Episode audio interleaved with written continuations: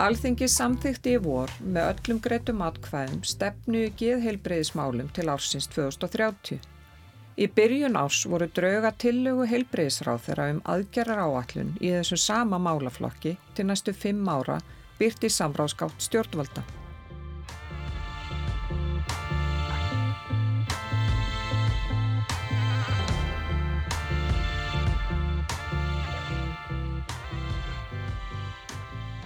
Sæl hlustandi góður.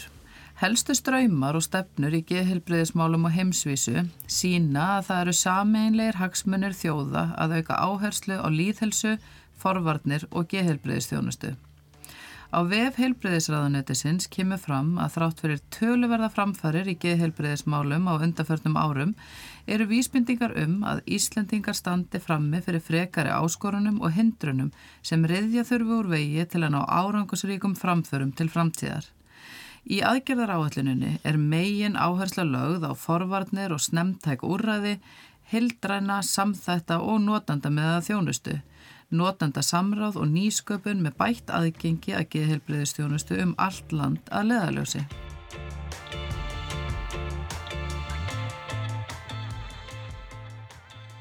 Ég heiti Guðrún Haldunadóttir. Ég heiti Margret Manda Jónsdóttir. Og ég heiti Tómas Hrafn Ágússon.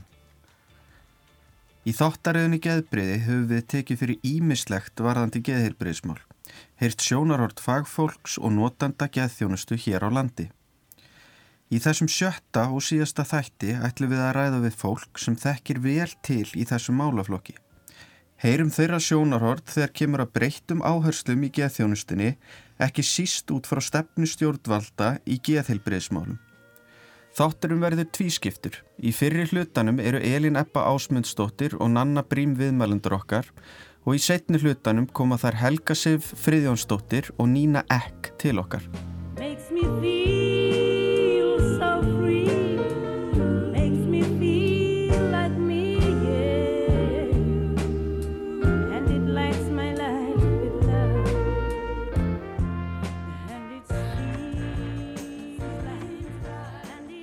Þær eru hjá okkur núna Elin Ebba Ásmundsdóttir, frangatastjóri hlutverkasetus og varaformaði geðhjálpar og Nanna Brím, frangatastjóri geðþjónustur landsbítala.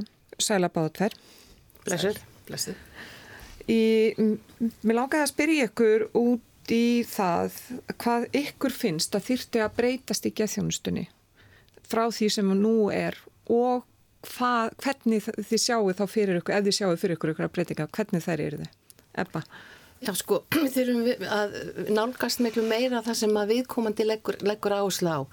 Og það er talað um svona einstaklingsplan sem munir fylgja viðkomandi hversi mann fer, hvað sem það er inn á sjúkurásunni, heilsugæslunni eða félagstjónstunni vegna þess að sko fólk er að byggja um meiri samfell og samvinnu. Og fólk dettur oft á milli og svo þarf að endur taka sig aftur og aftur og þagnaskildan líka er að törblokkur þannig að sko normin hafa til þess að setja þetta í lög sem kallað individual plan. og þá ertu alltaf með þetta. Og þá er það eitthvað sem viðkomandi hefur sett nýra á blad og allir geta fyllt eftir. Þó það getur viðist fyrir okkur hinn að vera doldi klikkað þá verðum að fylgja eftir sem viðkomandi segja hvernig sem við förum að því. Það er í fyrsta lagi sem ég finnst að við þurfum að gera. Og í öðru lagi er að við þurfum að draga meira inn nær samfélagi þegar einhver veikist þá höfum við alltaf verið að meðhandla einstaklingin og hans í aðalvandamálið en nú er að koma meiri svona áherslu á að ég meina heilbriði gerist ekki inn á sjúkraf sem það gerist fyrir utan. Þannig að við þurfum að styðja fólk bæði í, í leik og, og í vinnu. Og þegar fólk hefur með geðfallanir að stríða þá er oft hjálpatækið önnur manneska þannig að við erum byrjað að á því og landsbytjarnar byrjað á því að ráða svo kallega hérna svona jafninga í vinnu, við þurfum bara að gera miklu meira af því að jafningar séu með til að nota þeirra sín, ekki til að vera svo við hinn, heldur þau leggja meira áherslu á tengsl, á að læra saman, ekki endilega breyta þjónustunni eða hjálpa, heldur þessi tengslamyndun og svo náttúrulega þurfum við að leggja rosalega áherslu á forvarnir, tengslamyndun í frumbensku og svona. Hvað segir þú náttúrulega? Um, ég er með svona fjórar setningar í hausnum þegar ég hugsa um sko hvað, hvert við þurfum að stefna með þjónustuna og það er ánaði nótendur það er framúrskarandi þjónusta, bata með að húsnæði og eftirsokna verðu vinnustöður. og Marta, þetta tengist allt saman en þetta er allt saman nöðsynlegt einhvern veginn að hugsa þetta hefur mér allavega fundist í þessum fjórum setningum og við þurfum að hleypa notendum miklu meira að því að geta satt sína skoðun á þjónustunni og haft áhrif á þjónustuna og við erum svona aðeins byrjum með, og við getum kannski rætt aðeins og eftir að við ebba erum í smá samstarfi með lítið verkefni sem við erum að setja stað hvað það varðar við, við þurfum að leggja ásla að fá batamiðað og öflugt húsnæði. Við þurfum líka að vera með þjónustu sem nær til allara landsmanna. Landsbytali er háskóla, sjúkarhús, allara landsmanna og þar er eitthvað sem við þurfum að virkilega finna leiðir og, og kannski nota tæknina svolítið til þess að geta veitt þjónustu út um allan þannig allir hafi aðgengi að þjónustunni. Og það er líka gríðilega mikilvægt að því að geðþjónusta er ju ekki bara landsbytali heldur hún er miklu víðar að þjónustu kerfið allt saman sé vinni betur saman og sé meira strönnlínu lagað og það sé augljósara bara fyrir notandan ég meina hvar á hann að fá þjónustu. Og það er, þetta er, kerfið í dag er bara flókið og þegar, ég hugsa stundu sko þegar við heilbristarsfólk sem erum að velkast um í kerfinu sko rautum ekki alveg hvernig ratar þá notandin, hvað þá nýju notendur. Og, og síðan er það náttúrulega mannöðurinn að það skiptir, ég minna eina af okkur, okkar stærstu áskorunum núna, það er mannöðurinn og það er að hafa nægilega mikið af sko starfsfólki til þess að sinna þeim verkefni sem við þurfum að sinna. og þar vantar okkur til dæmis svo ég nefni geðhjóknarfræðinga það er mikil skortur á þeim Þannig að ég myndi segja að þetta séu svona, þetta eru þeir hluti sem við þurfum að leggja mesta áherslu á til þess að geta veitta þjónstu sem við eigum að vera að veita. Ef við byrjum á að taka upp aftur þetta í sambandi við starfsfólkið og skort á starfsfólki og við vitum að það er líka útlitt fyrir að það munir skorta gæðlakna á næstunni og þú talar um gæðhjókurunafræðinga, er, er eitthvað sem hægt er að gera strax til þess að breyta þessu? Þannig að það sé að grípa inn? Sko við erum náttúrulega alla daga á fullu að reyna að finna einhverju leiðir. Um, við erum núna byrjað í haust meistaranám í geðhjúgrun, í svona klíniski geðhjúgrun inn á, á landsbytala og SAG og við myndum miklu vonu við það. Það var, var tölver aðsókn í námið og nefndur eru gríðarlega ánæðir og það er mjög mikil áhersla á sko einmitt að, að þessi geðhjúgrunfræðingar í meistaranáminu fá mjög breyða þekkingu og, og vinni náðu með nótendum.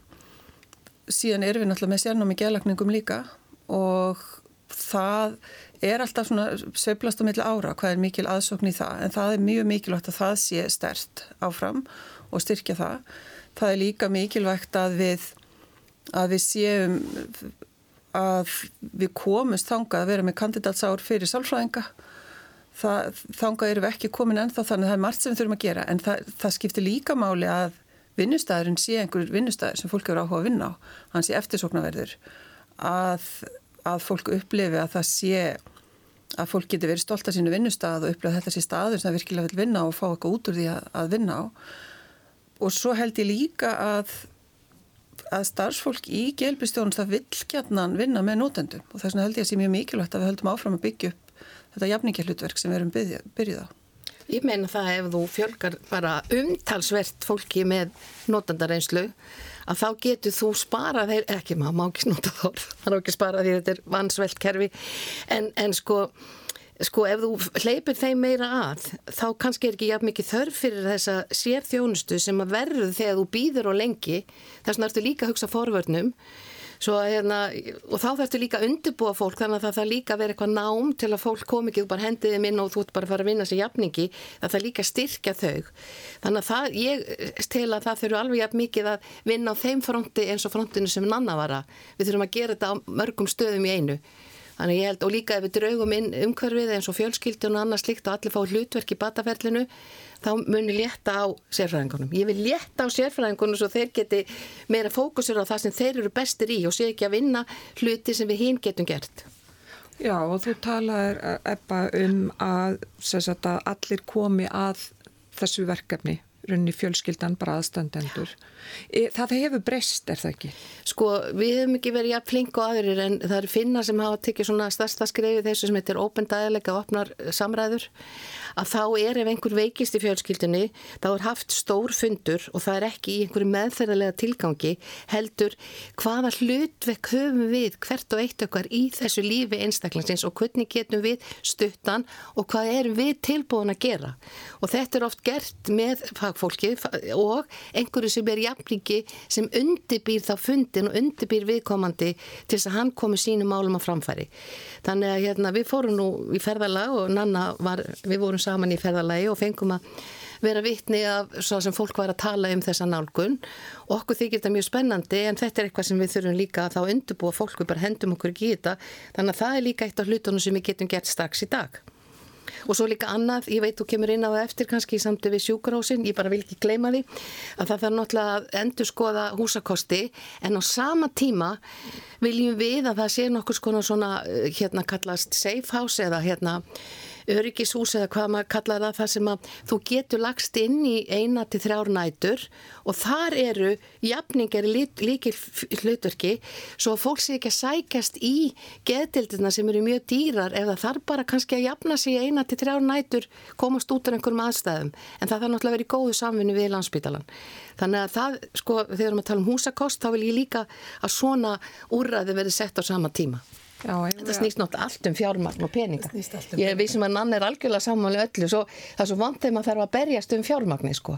Minnst ég sett í þannig stöðu. En mér langar að þess að koma til þetta með að því að við, við höfum alltaf talað um þetta sem svona nótenda stýrt úræði mm. og valla deilt, heldur bara svona nótenda stýrt úræði sem væri einhvers þar út í samfélaginu mm. og ekki inn á spítalanum en við værum í samstarfum. Já.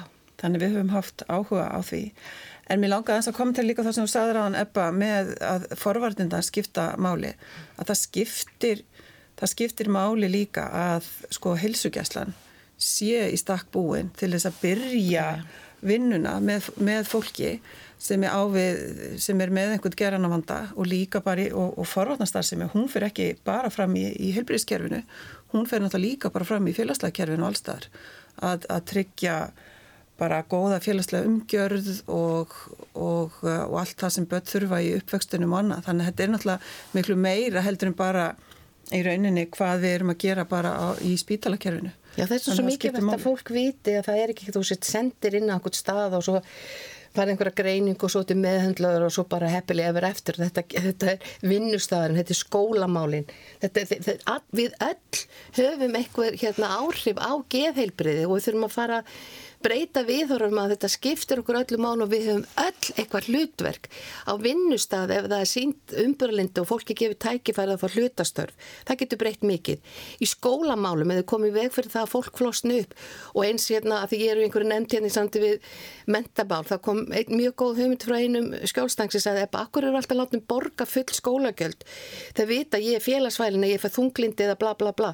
Akkur má ekki bara vera hluta á náminu svo ef mér langar að taka prófið og fá eitthvað metið, þá borga ég skiljiði, í að þau eru alltaf að borga og svo hafa þau lítinn pening og svo flosnaðu upp og það hefur áhrif á sjálfströstið og það hefur áhrif á fjárastöðuna og það er líka eitt pólitist hérna áhrif hefur hérna líka áhrif að geð helbrið, ef við höfum ekki ofin í okkur á þá hefur það áhrif að geð helsuna þannig að við erum svo Mér finnst það svo órétt látt að það sé sett á geðheilbriðskerfið að við eigum að redda öllu. Nú er ég að tala um við sko því ég var hlutað þessu lengi. En það er ekki þannig. Þetta er, þetta er stór pakki sem við öll höfum hlutdeilt í. Þannig að hérna bara, svo eru þið alltaf að fjölga okkur þessa elskur og þið komist bara rétta yfir borðið sko. En Nanna, ef við tökum aðeins að mitt fyrir þennan, þetta með húsnæðið. Nú er verið að fara að byggja meintalega, þetta hátekni sjúkarhús er allavega í byggingu. Hvað með geð hlutan þar? Er gert ráð fyrir geðs, geðsviðinu í nýju húsnæði? Nei. Og það, það er nú bara frekar sorglegt. En það er samt og ég finn það alveg að það, við höfum náttúrulega verið að benda á það.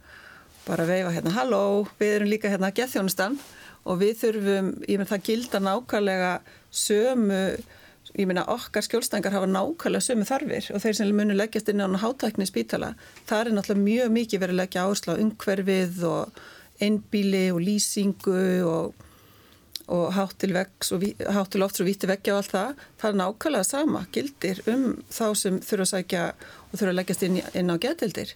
Þannig við höfum bent á það og mér finnst fólk alveg kveikja á þessu og ég held líka að, að almennt sé þá hafi stjórnkerfi bara ekki átt að segja á því hvað húsakosturinn í geðþjónustunni væri já ég veit ekki alveg hvað orði ég ætla að nota en þú veist væri ekki viðegandi, skulum orða þannig. Ég geti notað mun sterkari orð hvað það var þar Hérna með, með húsnaði er stöndu ekki líka fyrir því sko vandamáli í raunni uh, eru við að fara að byggja nýtt húsnaði á landsbytala lóðinni þá tengt ringbröytalóðinni eða myndan færast annar staðar? Og væri þá öryggi sjúklingila nægilega tryggt ef hann væri sko? Þá er ég að tala um vanandi líkamlega veikind og annað ef þau komi upp.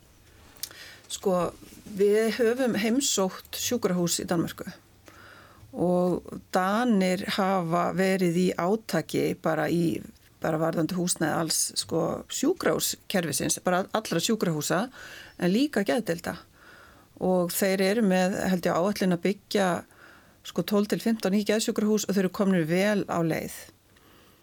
Á flestum stöðum, allavega þeim stöðum sem ég hef heimsótt og við hefum heimsótt við, við, við EBBA, að þar eru, hefur við tekinn ákvörðunum að sjúkrahúsin sé nálagð eins nálagt og hægt er við svona somatísku eða vefrænu sjúkrahúsin af tveimur ástæðum annars vegar til þess að tryggja að þess, þessi hópur nótenda fái líka þá þjónustu sínu vefrænu sjúkdómum sem þau þurfa að halda og það er vissulega mikilvægt það, það sýnir sig að einstaklingar með alvarlegar og langveina geraskanir lifa stittra, jáfnveil 20 ára stittra heldur en almenningur almennt en líka til þess að vinna gegn fordómum og stigma.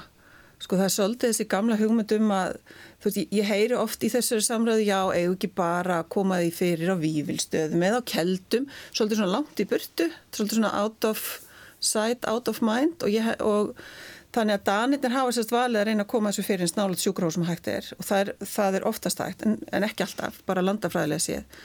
Þannig að það er allavega mín skoðun er að maður er að hafa það í huga síðan eru það, það þannig það er svona kannski staðan varðandi akkurat sko staðsendinguna. Danir, svo höfum við kannski í grunninn hólt svolítið mikið til Danmörkur því þeir eru búin að pæla mjög mikið í þessu bæði hvernig þú skipuleggur geðsjókrahúsin og bara hvernig þú innréttar þau, hvaða liti úr með byrtu og annað. Þannig að þar höfum við séð mjög marga hluti sem við myndum telja að ættu við líka hérna á Íslandi. Svo hefum skilst að hérna geð hjálpa því en tengist þeim samtökum að það verið settir á staðan nokkri rínihópar til þess að fá frá sko þeim sem hafa þurft að nota þessa þjónustu, hvað þeir segja svo við getum lagt það í pottin mm. þannig að hérna, fagfólki finnst eitt og þeir sem þurfa þjónustu að halda hana þannig að þetta er bara einhver vinna sem aftur að fara í gang og það verður spennand að sjá hvað kemur upp á pottinu sko Já En Ebba, nú er eitt sem að gæðhjálp hefur verið að berjast gegn. Það eru nauðungar. Já. Hvað, ef að, ef að það verður þannig að það verður hægt að nauðungavista, hvernig, hvernig er það hægt? Sko þarna kemur aftur inn með, ef þú hefur reynslu af því að hafa verið nauðungavistaður og veist hvernig áhrif það hefur á líkam og sál. Ef það eru starfsmenn á öllum vöktum, á öllum deildum sem hafa slíka reynslu, þá vita þeir meira hvernig, sko, auðvitað getur aldrei komið algjörlega í veg fyrir þetta. En kannski vita þeir betur hvernig má nálgast heldur en hérna, þeir sem ekki hafa upplifa vegna þess að mín reynslega er svo að við erum að vinna með áföll og svo erum við sjálfa að skapa áföll sem að höfum verið að vinna í þjónustunni sem er náttúrulega ekki gott og engin okkar vill. Þannig að þetta verður mikið í höndum fólks með reynslu sem að hjálpar okkur hinum að finna út uppbyggjarlega leiðir en ég held að sé algjör, aldrei hægt að koma algjörlega í veg fyrir en að minga þetta er hægt að gera að mínum mati sko.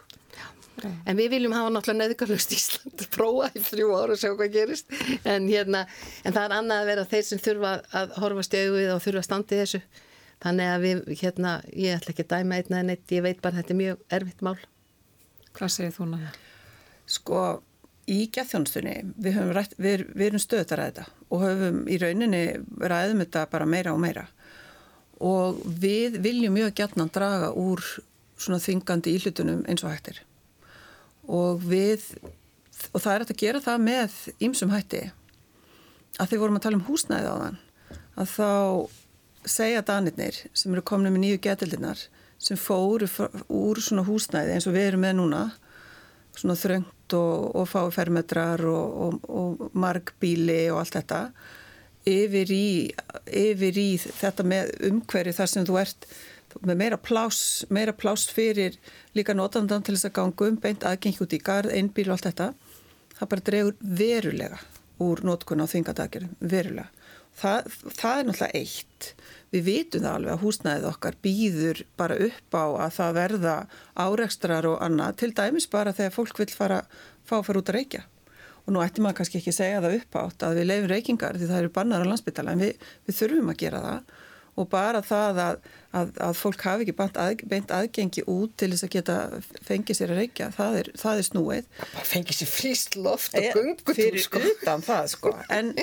en síðan er líka, og það er eitt sem við viljum geta að gera, við viljum vinna meira með að innleiða hugmyndafræði sem skapar meira samtala á milli sko starfsmann og notenda sem, sem hefur sínt sig, það heiti Safe Words og hefur sínt sig að það dregur úr, úr nöðum klíka þannig að við erum mjög meðutuð um þetta og viljum náttúrulega eins og geðhjálp að það sé eins lítið af þingandi meðferð hjá okkur eins og hættir. Svo talandi um sko hugmyndafræði að því að sko annars vegar að margir fagnaði að fá sjúkdómsgreiningu og það hjálpa þeim, aðrir eru á mótið þeim. En þarna þurfum við að finna eitthvað milliveg og eitthvað val að, að við annar fórum líka á deilt þar sem að svona það sem að því þið hefur verið að tala um geðróf og missa raunlega tengsta sem þetta er bara að tala hluta af persónuleika og hluta af streytustjórnun og sé ekkit eitthvað tabú að þú meir ekki upplifa heiminn og annan hátt svo lengi sem þú ekki hættilegu sjálf með þeirra öðrum. Þannig að það held ég líka við þurfum að skoða svona hugmyndafræðilega nálganir. En þarna held ég að við verðum bara að hafa meiri val og fólk verða að velja hvað það trúur á því að placebo er nú 33% og ef við skoðum fullt af þessum meðferðarlegum nálgunum þá er það flest allar að virka.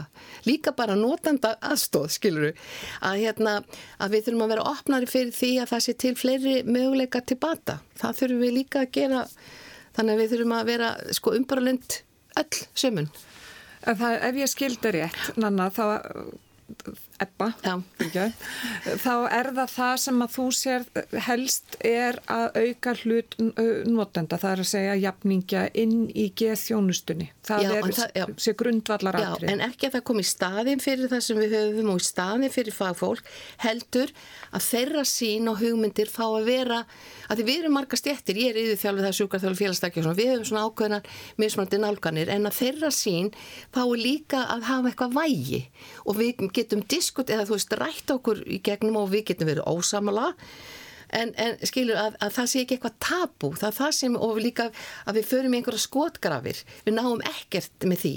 Þannig ég fagna og það kannski leiður inn á þessu samstagsverku okkar núna nanna að ég fagna samstarfi að því það er það sem fólk er að byggja um samfell og samstarf og við vinnum sama fyrir hag þeirra sem eigi vandraðum og það sem við erum að prófa núna þetta er náttúrulega verkefni sem ég hef sko haldið utanum í, í fleiri fleiri ár og Reykjavík borg hefur verið að gera svona úttektir það sem er notendur eða fólk sem hefur þurft á þjónustuna halda er að spyrja þá sem er að nota þjónustuna hvað finnst þið gott, hvað maður betur fara? Og það er þeirra spurningar og það er þeirra au og það er þeirra úrvinnsla og Nanna vil gætna að þetta sé gert núna á geðsviði og það verða valdar tvær deildir og það eru tveir í líki hlutverki sem er fólk með reynsla á að hafa leið inni og verið skjólstæðingar og mér finnst þetta mjög spennandi og mjög. hérna þetta sýnir líka þinn hug Nanna að þú viljir sko opna fyrir þessa reynslu og þessa þekkingu og mér finnst þetta bara spennandi tíma þó við þurfum að klástu ymislegt og og hérna, manneklu og húsnarskort og, og fjárskort. Þá er líka að því mér það svo mikið var skilabóð að því þú ert að tala um líðan á vinnustaf og vera stolt af vinnustafinu sínum. Ef við getum verið einhverju nýsköpun sem við sjáum og við högnum stað það, það dregur að sér ungd fólk. Ungd fólk vil verið í einhverju svona nýsköpun og hafa áhrif. Við viljum öll hafa áhrif og það vilja líka þeir sem hafa vext þeir vilja hafa hlutdeild í þessari samfélag og hafa hlutverk og hafa einhverja þýðingu svo við tikkum nú inn í eitthvað þarna sem landlægsembatti var. Nákvæmlega, Já, þannig að við erum sérstaklega að fara að stað með verkefni núna og þetta er svona pilot 2023 og svo er draumurinn að hlutverka setri sjá í raun og veru um það að taka út með, með svona þessar nálgu notandi spyrnótanda bara deildir geðþjónustunar, bara þannig að þetta sé bara rútina. Þetta var gert sem rannsóknarverkefni fyrir, ég ætla að sé, tíu ár síðan. Nei, á 2005 eða 2006 þá voru tek teknar út þrjár geðtildir og það var fyrstu hópurinn Já. og hérna, við ætlum líka að kíkja á núna hvað kom fram í þeirri úttekt og hvað var fyllt eftir. Þannig að það er mjög langt síðan þetta hefur verið gert. Að við, en við viljum gera þetta reglulega. Þetta er gert við að annar staðarinn á geðtildum reglulega, þannig að við ættum að geta gert það líka. Ásamt öðru, þetta er bara svona hlut að gæða hérna stöðlum. Já. Það er líka spurningalist en þarna færðu svona þau geta rætt við þann sem þeir treysta og er ekki fagmaður heldur einhver sem hefur verið skjólstæðingu sjálfur. Þannig að þetta er það sem mun vera að gerast á þessu ári að það verður auki samstarf og kemur meira inn fólk sem er með reynslu. Já, sko við erum bara nýbúin að ráða inn í þrjár stöðu til viðbútar, jafningja, inn á, á telti núna í fyrirpart árs og ef það, það gengur vel þá getum við mögulega að fjölga strax næsta haust. Þannig við tökum, tökum það svolítið svona í skrefum Það er greinilega spennandi tímar í vendum í geðhelbriðistjónustunni. Takk kærlega fyrir komuna, Ebba og Nanna. Takk.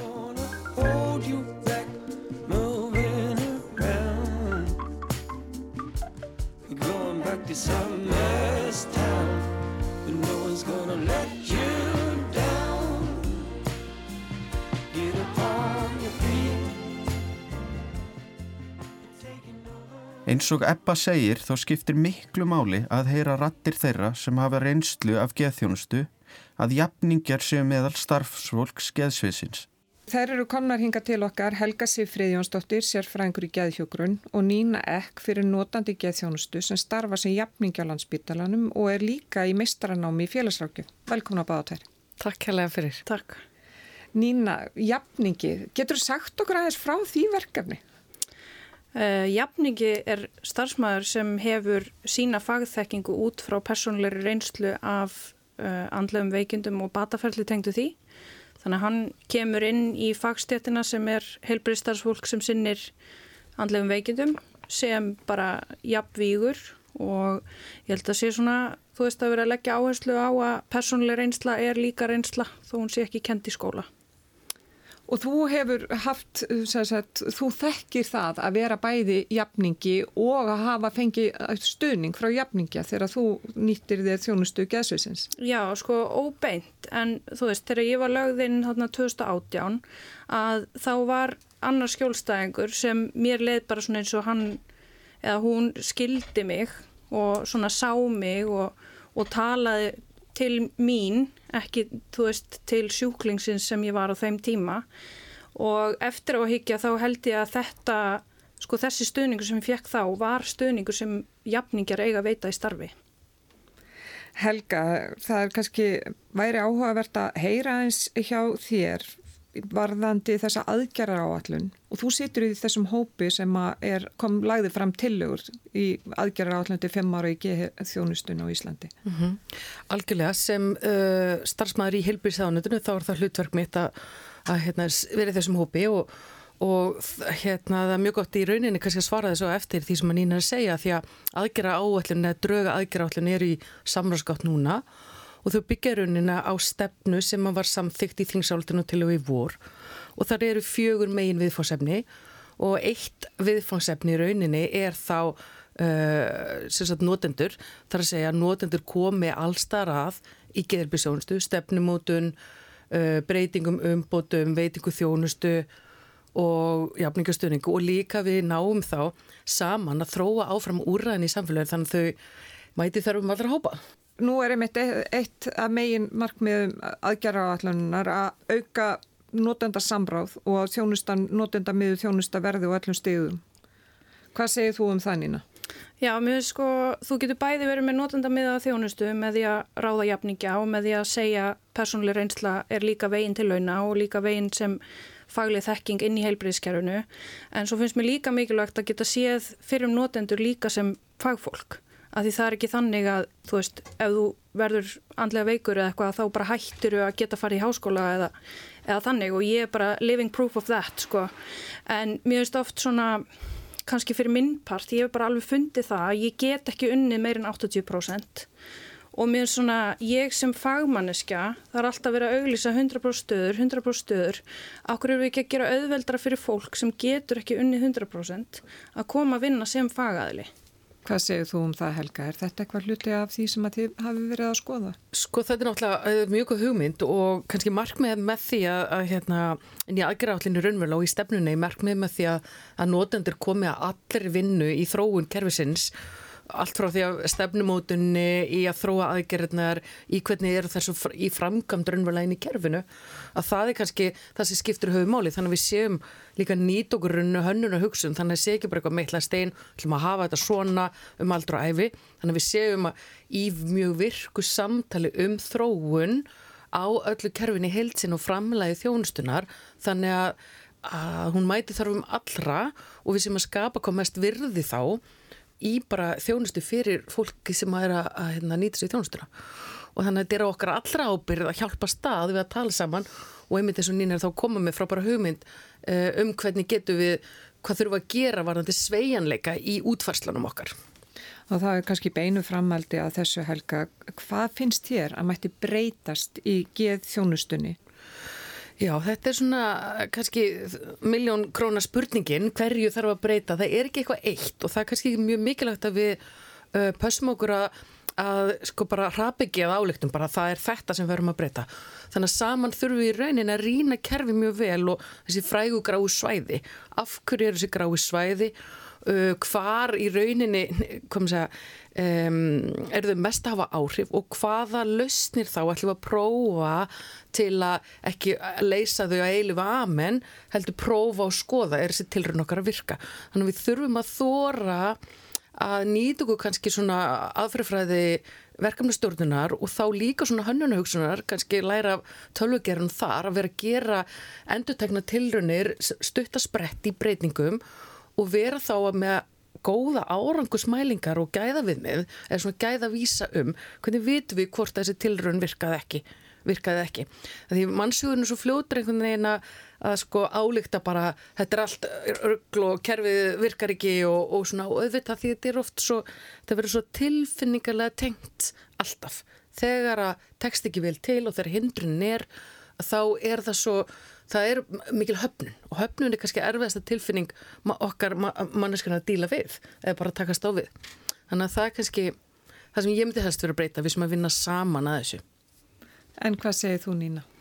Ég er bara, mér langar að segja, þú veist, ég veit alveg svona heilbreyðskerfið og allt þetta, þú veist, þetta getur alveg verið stíft, en þú veist, ég verð bara að segja að síðastliðir rúmt ár hef ég verið tilraunin Þannig að ég hef komið inn á nýja deildir og ég hef verið að gera nýja hluti og vinna starfið öðruvísi heldur en það hefur gert. Og mér er bara svo yfirgnæfandi, þú veist, áhugi og bara orka fyrir því. Og ég meina eins og þetta viðtal hér, það var bara hringt í mig. Mér er bara ótrúlega sérstakt að fagfólk sé bara hafið svo mikinn áhuga og svo mikinn vilja fyrir því að heyra rödd notenda Þannig að mér finnst það svona ótrúlega fallegt og það kemur líka inn á eitt, þú veist að ég sem notandi var með ákveðin að sína á geðþjónustuna. Þú veist að þetta væri svona bara einhver svartur kassi sem gleipir fólk og það kemur aldrei út aftur eða það kemur út sem öryrkjar eða þú veist eitthvað svona að þetta sé bara eitthvað batteri sem býr til vannliðan og býr til vannvirkni.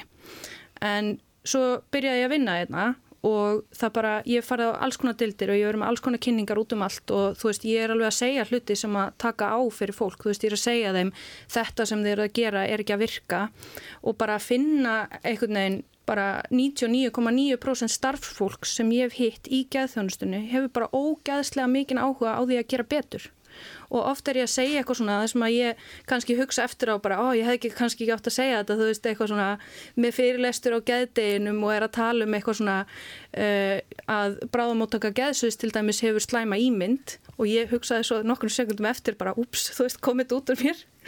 En hérna, en það bara í salnum voru allir bara, yes, þú veist, takk fyrir að segja þetta, þú veist, við, við höfum haldið þetta svo lengi og, og mér svona vera ákveðið disconnect þú veist, á milli þess hvernig notendur og samfélagið horfir á geðþjónustuna og, og hvernig geðþjónustan er. Eru fordamar gagvart fólki sem er að takast á við geðraskanir? Mm -hmm. Eru þeir algengir? Algjörlega og þú veist bara eftir það að hafa unnið þetta starf þá náttúrulega fullt af notendum sem koma til mín og bara hei þú veist getur þú kipt þessu í lægin eða þú veist er hægt að gera eitthvað svona og, og mikið af því sem ég séð er hérna sko fyrsta lagi varandi aðstandendur fólk sem lendir kannski fyrstu innlögn upplifir ofta að það er búið að íta fólki frá sig, búið að líða mjög ítla mjög lengi og hegðun þess samkvæmt því og tilfinningar samkvæmt því. Og það er bara mjög eðlilegt að fólkið í kringum það veist, verði þreytt á að heyra alltaf sömu tugguna og get ekki hjálpa, þú veist, það er mjög erfitt að vera í stöðu þar sem að maður finnur að eitthvað sem maður þykir væntum líður ítla og maður getur ekki hjálpað og mér veist þarna vantar svolítið svona fræslu til aðstandenda og líka kannski að spurja nótundur hvernig stuðning vilt þú fá? Og líka að segja aðstandendum þú getur veikt stuðning, það á ekki verið svona erfitt, þú veist, þú getur gert þetta og liði vel með sjálfa þig. Og svo er það bara líka fræðsla varandi geðelbreysmál Uh, ég er mjög sátt með til dæmis það sem að Hugrún geðfræslufélag er að gera og bara almennt, þú veist, mér er alltaf verið að koma meira og meira inn í umræðina að fólk er að tala um, þú veist, bara hvernig sjúkdómur minn lýsi sér og eitthvað þannig, en maður er ennþá að, hérna, upplifa einhvern veginn svona þetta viðhorf að þegar úr stinn á geðdeild þá ertu eins og kallanir í englar alheimsins. Og ég sjálf var með það sko þá hugmynd. Og þegar ég var lögðin á geðdelt þá breytist ekki mín hugmynd um það að englar alheimsins væri bara allir sem eru á geðdelt heldur, þú veist, það breytist mín skoðun á sjálfur mér. Ég var orðin, þú veist, ég gæti ekki séð hort í kringum mig eins og ég get núna þegar ég kemur á geðdelt og bara hei, þetta er bara venilegt fólk, þú veist. Þannig að mér finnst það svona fjölmiðlar og þannig umræða og við vorum einmitt að tala um þetta hérna frammi áðan þú veist að fólk heldur ennþá skitsofreni að sé þegar maður er með marga personleika mér finnst þetta bara sína svolítið fram á hversu mikið sko fjölmiðlar og bara bíómyndir og allt þetta hafa mótað okkar þekkingu og okkar svona viðhorf sko Hvað segir þú Helga? Verðið þið vörfið þetta sem starfi í heilbriði stjónustunni? Já, sko, mér langar kannski að taka aðeins annan vingil á, á fordóma og, og því að hérna, Nína er búin að gera svo, mjög vel grein fyrir svona samfélagslega hlutanum og mér langar að taka þennan kerfislega innri ving, vingil á þetta er að sko sem sérfræðingur í geðhugrun þá upplýð ég fordóma sagt, innan minnar fagstjættar að sko og svona kannski ákveðna hérna hraðslu við sko geðrænar áskoranir allt svo, þannig að við bara vitum það að bara hluta fólki leggst inn á geðdeild eða þarf á sérhæður í geðhelbistjónust að halda. Uh, við vitum hins vegar að það eru mjög margir sem þurfa á helbistjónust að halda og einhverjum undarlegum ástæðum þá höggum við oft bara Sagt, fyrir neðan, þú veist, allt sem er fyrir neðan háls, það ætlum við að gera þú veist, í krabbmestjónustu, í öldrun, í kvennabatna eitthvað svona. Og við bara og, og svo ef einhver sko, þóra minnast á að finna fyrir kvíða þá bara, við sendum beðni og eitthvað. Þú veist, það bara, við ætlum ekki að takast á við þetta, við erum öll mikið helsu, alls það sem við erum það skiptir svo miklu mála að við bara göngust við því og pælum í henni og sinnum henni til jams og allt hitt sem við erum að gera. Og þetta því varst að pæli í kerfinu og hverju þurfum við að breyta í gerfiskerfinu þessu þurfum við að breyta í heildarkerfinu. Þannig að allstar það sem við erum með heilbrísjónstu þá þurfum við að hafa þetta púst ekki bætaði við þannig að koma ykkur sérhæfður, geð heilbríð starfsmæður og gera eitthvað við þannig að einstakling læjan svo líkamlegu hérna, starfsmændi geti halda áfram að vinna. Við þurfum að búa til og samhæfa og þannig að Þannig að starfsmenninni sem er að sinna til þeirri þjónstu sem er viðjandi hæfni til að mæta geðrænum áskorunum og þörfum fólks upp að því marki sem að hann hefur þá þjálfun til og svo ef það fer umfram það, þarfinir umfram það, þá búum við til stærra og sérhæðara teimi. Til og með fólk sem að veru sennilega fyrir einna mestu fordónunum, það er fólk með tvíkreiningar. Má ég samt bæta við varðandi þennan punkt? Já.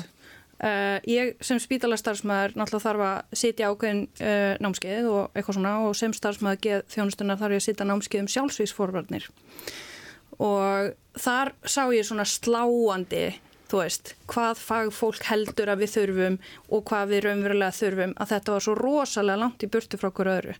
Að það var á einhverjum tímapunktu var mynd af herbyggi og bara hvað sjáu þið margar hættur hér? Og þú veist, í staðin fyrir að fjarlægi allar hætturnar Áhverju spyrði ekki bara fólk áhverju það vil drepa sig?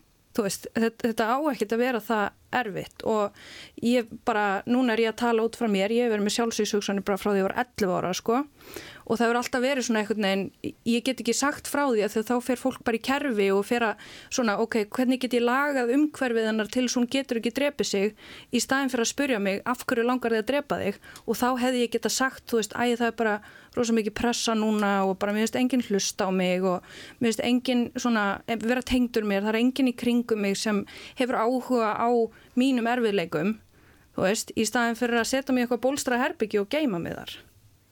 En ef við förum aftur í þá líka fordóma gagvart og fólki með tvígreiningar mm -hmm. og þeirra stöðu í geðhelbriðiskerfinu. Mm -hmm. Já, þegar þú eh, hérna, spyrðum fólk með tvígreiningar þá áttu við einstaklingar sem eru með áfengis og výmöfnavanda og annan geðvanda samhlega. Já. Og hérna, það gerir náttúrulega lífið alveg gríðarlega flókið og og það er hérna, þarna kemur aftur samfélagslega svona við og gagvart nótkun og výmöfnum er kannski það fyrsta sem er hindurinn að að við erum einhvern veginn öll mjög mikið stöttar á Íslandi að það bara á engin að nota vímöfni og, og það er oft svona hindrunni fyrir ákveðnum réttindum. Fyrir húsnæði, fyrir heilbyrðistjónustu, fyrir því að ég bara tali við þig og svolítið eins og Nína hefur verið að tala um að, að ég leggjum mig fram við að hlusta á þínu sög og hver ert og hvað þarfir hefur. Og það er einhvern veginn ég fyrirfram búin að ákveða nú skaldu bara hætta að nota vímöfni því það er mögulega stærstu luta þínu vanda E, þannig að svona kannski innan sko ef við myndum segja að allir sem eru með gerðina áskoranir saman væru svona undirhópur í samfélaginu þá ertum við undirhóp í undirhópnum sem eru einstakleikar sem eru með výmæfnavanda til viðbútar e, og það er kannski þaðan sem ég kem að því ég er sérfræðingur í geðhugrun e, með áherslu á þjónstu fyrir fólk með tvígreiningar.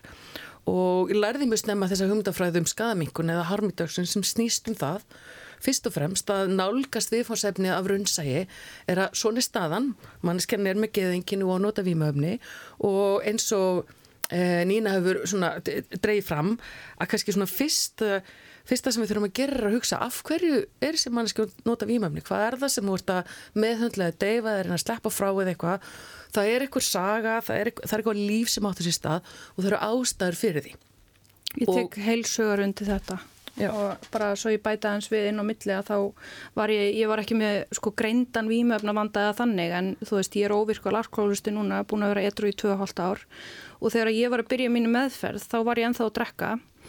En ef sko meðferðaraðalegnar hefðu sagt þú veist þú verður að hætta að drekka annars getur ekki verið hérna þá hefði ég hætt. Og það var sko þessi meðferð sem ég fór í gegnum hjá damteiminu sem er svona dialektiska atferðlismeðferð fyrir fólk í tilfinningavanda að hún gaf mér undirstöðuna til þess að ná að hætta að drakka.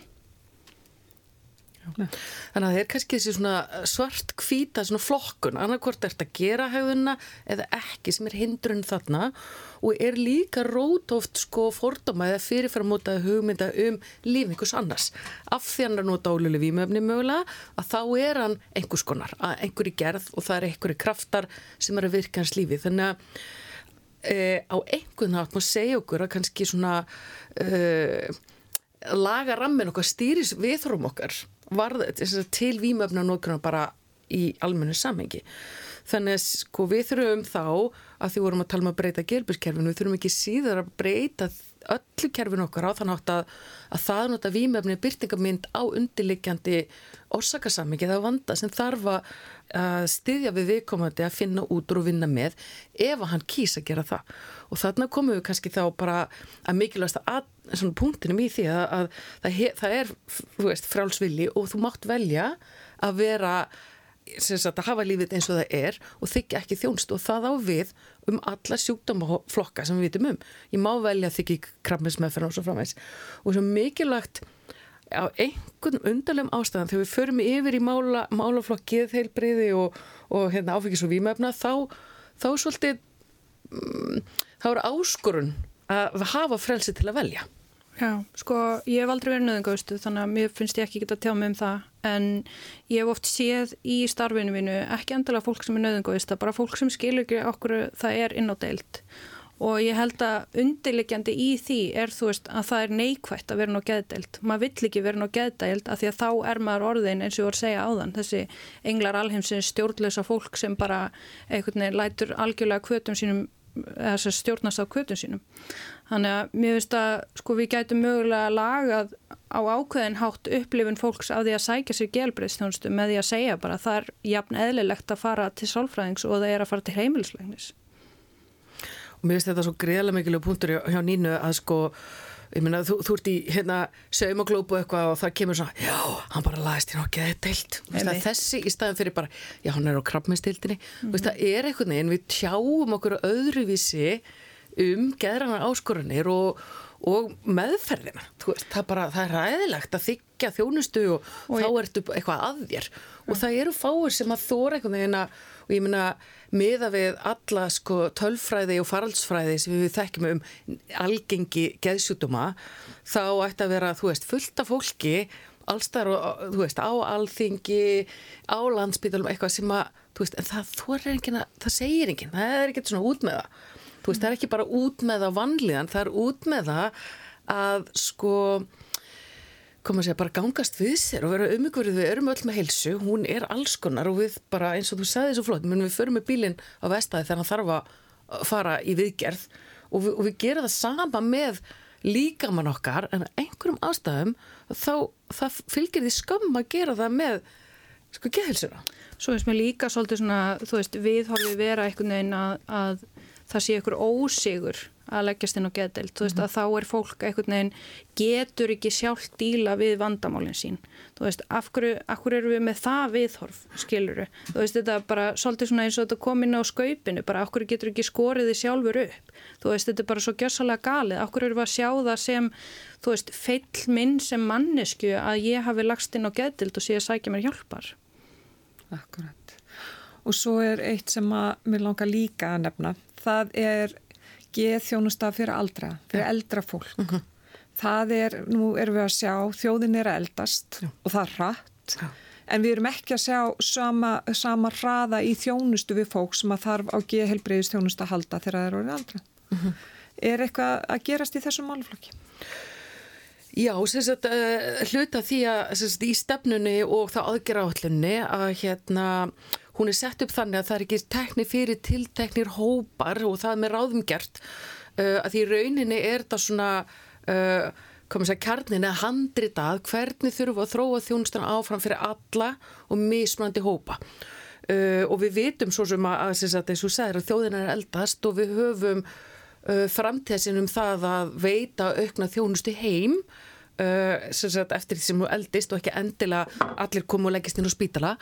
Uh, það tengist því svolítið sem ég sagði áðan að við þurfum að, að vera þá skýri því að fara að þróa heildræna þjónustu heim.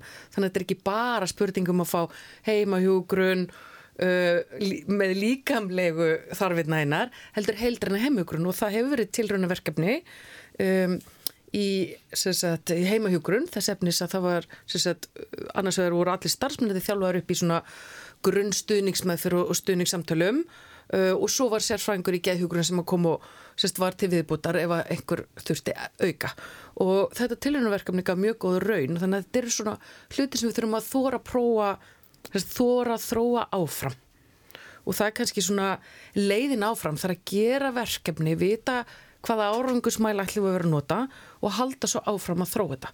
Og svo talandum tvígreiningar að það er það náttúrulega líka reysistort verkefni í öldrunaþjónustinni að það er fólk sem er orðið bara mjög veikt uh, og aldrað en erum þetta að nota mýmöfni og þannig stöndum við heldur ekki nógu vel að výi í að horfa á þetta sem þetta er að fólk er að deyfa kannski mjög alvarlega áfallasögu, lífið, einmannarleika og svo framvegis. Eins og ég segði á þann að inn í stefnunni raunin ekki tiltekinn sérstakir hópar en já hún er sett upp þannig að það við munum rína ferli á ástæður og orsakasamhengi fyrir útlensing og vanda fyrir mismöndu hópa og þá þarf að bræðast við einhverju. Sérstaklega við því sem kemur upp úr durnum og það er alveg rétt hjá þeirra að það eru þá þarna fulltabreitum sem eru að hafa milliverkanir og útleysa það að, hérna svona með efri árum þá er aukin nótkunna áfengi og výmöfnum sérstaklega kannski áfengi og þá þessum livsseilskildu livjum samlega því. Og við þurfum að skoða hvert eru við líka að fara varðandi inngripin okkar. Og við erum kannski pínu först í því að vera með inngrip sem eru svona já, taktu bara töflu, leist þetta bara svona og minna í þessari mennsku tenging og það kannski um, það sem ég hef tekið kom mest með mér úr minnuminni með fólki sem með tvíkrengar er að sko tengsla rofið. Það að hafa ekki tengslu aðra mannesku tröst tengsl að það hefur svo gríðarlega mikið áhrif. Það, það er svo það er í raunin svo stór áhrif að breyta útlýsingu öllu. Þunglindi, kvíða, áfengis og výmöfna vanda og svo framis og ég er bara greiðlega mikla áhyggjur á íslensku samfélagi kjölfara COVID. Þar lærðum við að nota tækni og annað og, til, og það er frábært. Uh, en samlega því held ég að sé svona samfélagslegt tengsla róf uh, hvar eru við í rauninni að hittast og tala saman, tengjast í rónæði og svona einhvern veginn að taka utan um hvort annað sem manneskjur og vera saman ég, ég veit alveg að þú veist saumaglúpar að fatna aftur á staða, fólki fara aftur á djammið og alls konar þannig en það er kannski ekki endilega svona djúb gæða tengsl það sem þú raunverulega upplifir heyrðu, þessi manneska skilur mig og ég skil hana. Og þarna komum við þá bara að samskiptum eða færni okkar Íslendika í að tala saman. Og ég held að henni sé svona verulega ábútafant og það sé eitthvað sem að við sem samfélag, við hugsaum um um, hérna, stefnuna að sko forvarnir og snemtakar íhlutanir í bara upp allt aldur skeiðið þær þurfa að snúast um að ebla samskiptafærtin okkar og tengslamundinu getur. Ég, ég tek algjörlega undir þetta bara svo ég má, ef ég má bæta við, hérna, við þetta þá hef ég lengi, þú veist, ég var alltaf átt erfitt með að, að horfa á svona eitthvað hvað ger ég í vinnunni veist, og það er ofta eitthvað svona, hvað gerur í vinnunni og það er bara, já, ég er að horfa sjónarpið en hérna, þú veist, að það, það er þetta sem ég ger í vinnunni, þú veist, að, að sjá fólk sem manneskjur og að leifa fólki að sjá mig sem mannesku og ég hef bara upplifað rosa mikið að, þú veist, fólk skortir þetta, þú veist, að það er kannski með sem er oft svona fylgikvillar andra veikinda, þú veist, brotin fjölkjöldssambund eða erfið æska eða, þú veist, bara, eru bara með svona neyslifinni í kringu sig en það er bara rosa mikilvægt að fólk fái þetta þessa þjónustu og þessa tengingu sko. Nína Ek og Helga Sif Fríðjónsdóttir, takk kærlega fyrir komuna. Takk sem leys. Takk.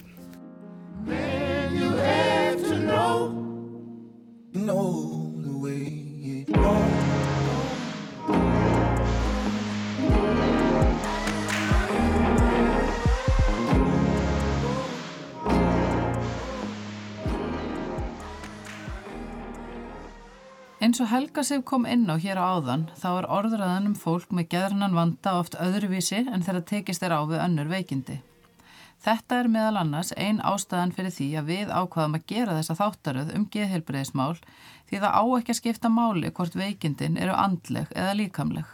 Við þurfum alltaf að huga heilsunni og eigum að leita okkur aðstóðar ef við erum veik, sama hvort veikindin eru andleg eða líkamleg. Til þess þurfa úrræð að vera í bóði og það þarf að vera til fólk sem getur veitt þá þjónustu sem þarf er á.